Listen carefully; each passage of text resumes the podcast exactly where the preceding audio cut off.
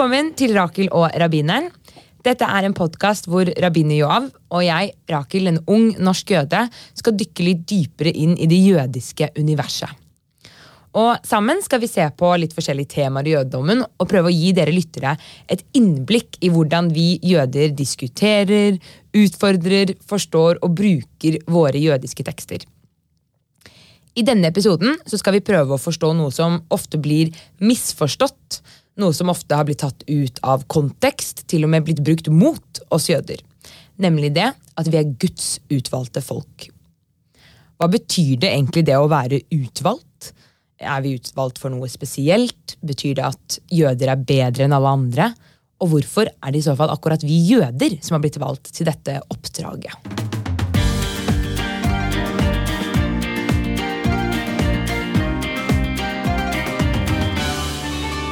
Første gang jeg på en måte begynte å tenke på dette uttrykket og hva det faktisk betyr, var da jeg jobbet som jødisk veiviser. Og jeg var i en skoleklasse, og så stilte jeg elevene er det noen siste spørsmål. Og da rakk læreren i klassen opp hånda, og så sa han jeg har et spørsmål.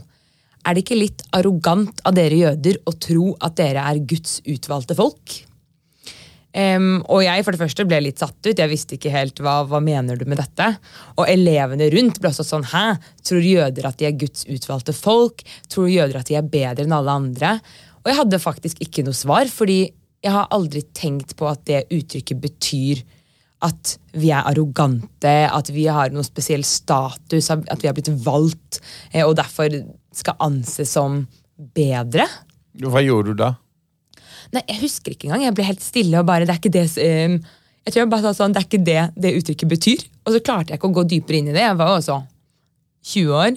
Um, men det har gjort at jeg også på en måte prøver å forstå det enda mer. Jeg har satt meg litt mer inn i det. Jeg dro hjem med en gang og leste meg opp. og var sånn, okay, greit, Hva betyr det her egentlig?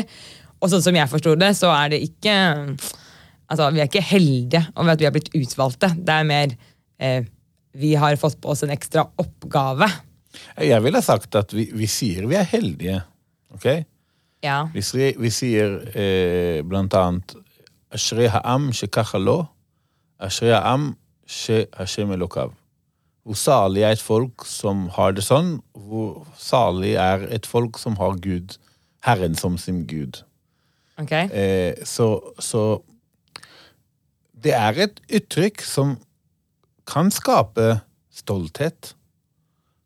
Så spørsmålet er stolthet arroganse.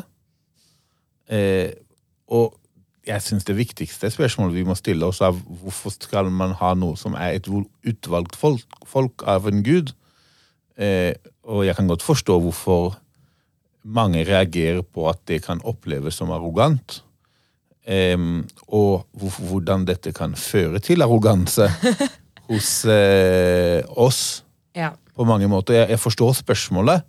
Og det er ikke lett å svare, men, men, men før, vi, før vi går direkte til eh, resultatet i hvordan noen føler seg at de er bedre enn andre, så må man kanskje gå til kilden og si hva betyr det egentlig?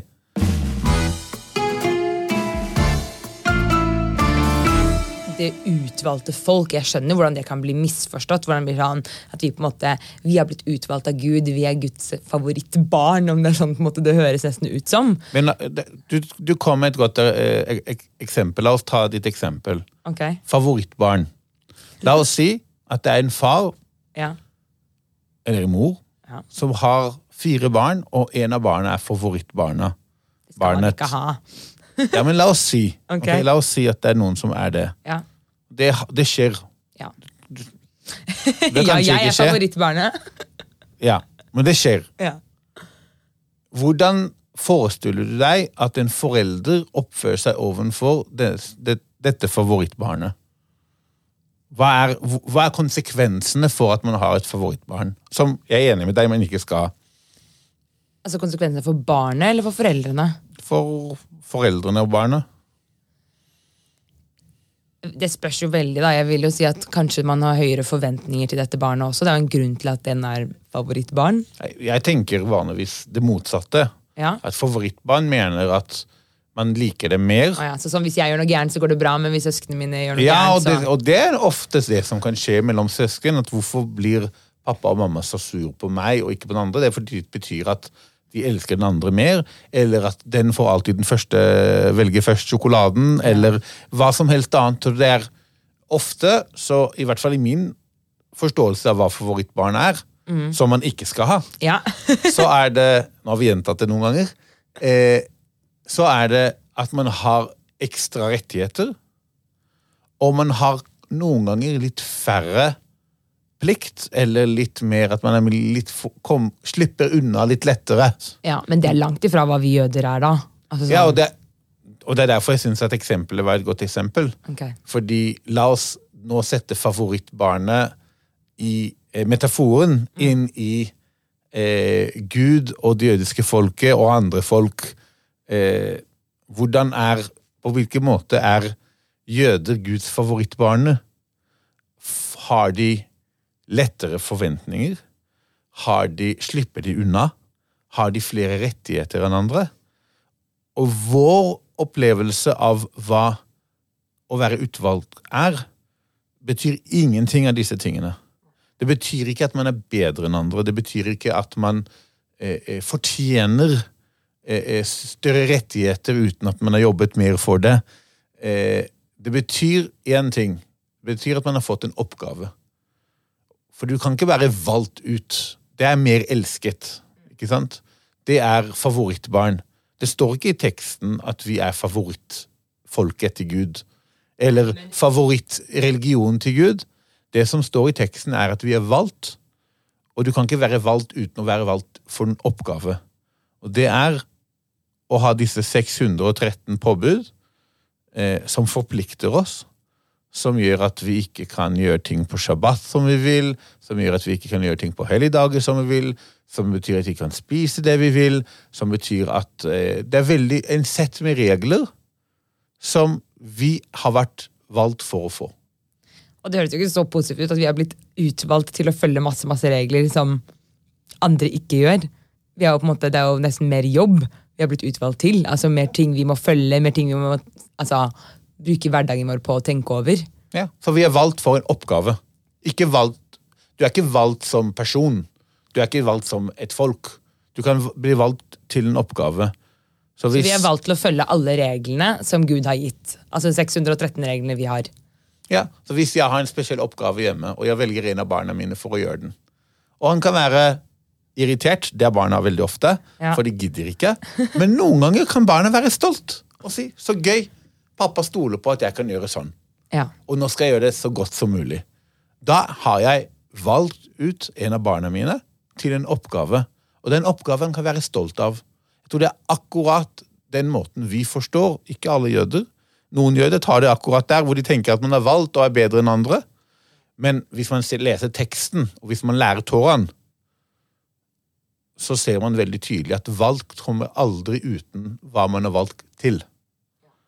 Så selve uttrykket 'det utvalgte folk' er veldig problematisk. Man skulle ha sagt, hvis man skal si det riktig, eh, folket som er utvalgt for å holde tårens bud. Det er den, det riktige begrepet, og det betyr noe helt annet. Det, det betyr noe helt annet.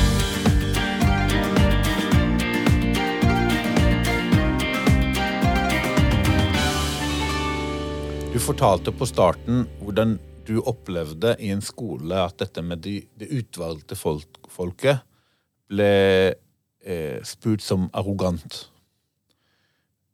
Og jeg kan godt forstå hvorfor, no, hvorfor man tenker at det er arrogant når man tar utvalgte folket, folket unnskyld, ut av eh, kontekst. Fordi man ikke forteller hva man har valgt til, og at, er, at man har valgt til en oppgave og ikke til en rettighet eh, som man kan være stolt av, men at ikke betyr at man er bedre enn andre. Tvert imot, at man føler at man har flere plikter, og man er glad for de spesielle, unike plikter man har fått. Man kan også snu dette helt om og si at når man sier at et folk er valgt til en oppgave, betyr at alle folk er valgt til sin egen oppgave. Og at vi mener ikke at tåren vår er riktig for andre grupper, andre folk, andre religioner. Vi kan se at det er en berikelse at det er andre religioner som kan fredelig leve ved jødedommen, og kan henvende seg til den samme guden. Det er ikke Jødedommen og Toraen er ikke den eneste måten å henvende seg til vår Herre.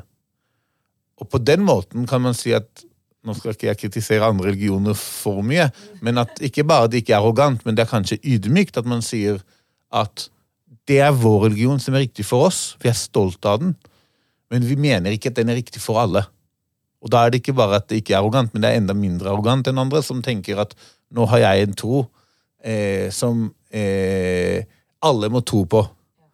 Eh, og den, der er det litt mindre fredelig, litt mindre, i, i, hvert fall i min opplevelse, litt mindre ydmykt i forhold til at ja, hva vet jeg? Så jeg vet, eller jeg opplever at den tradisjonen vi har fått, som i vår tro kommer helt fra Sinai, fra Moses, eh, eh, med guddommelige tekster som vi er stolt av å bære, og vi er stolt av at andre religioner har lært fra. Men de har lært dem, og de har blitt noe annet hos andre. Og vi går ikke til eh, kristne eller til muslimer og sier nei, men nå har dere tatt det fra oss, og nå skal vi fortelle dere hva det betyr. De har tatt det i en annen retning, og da har det blitt en berikelse for verden. Eh, som man kan diskutere innholdet i og tro og osv. Men på denne måten er, kan man ta begrepet utvalgt folk til å si at ja, men det betyr at alle folk har sitt, og at ikke alle skal være skal være innenfor den samme religiøse rammen, og at det er én vei til Gud. Så jeg tror det er, det er en veldig viktig lærdom av det samme begrepet, eh, som går i stikk motsatt retning enn eh, arroganse.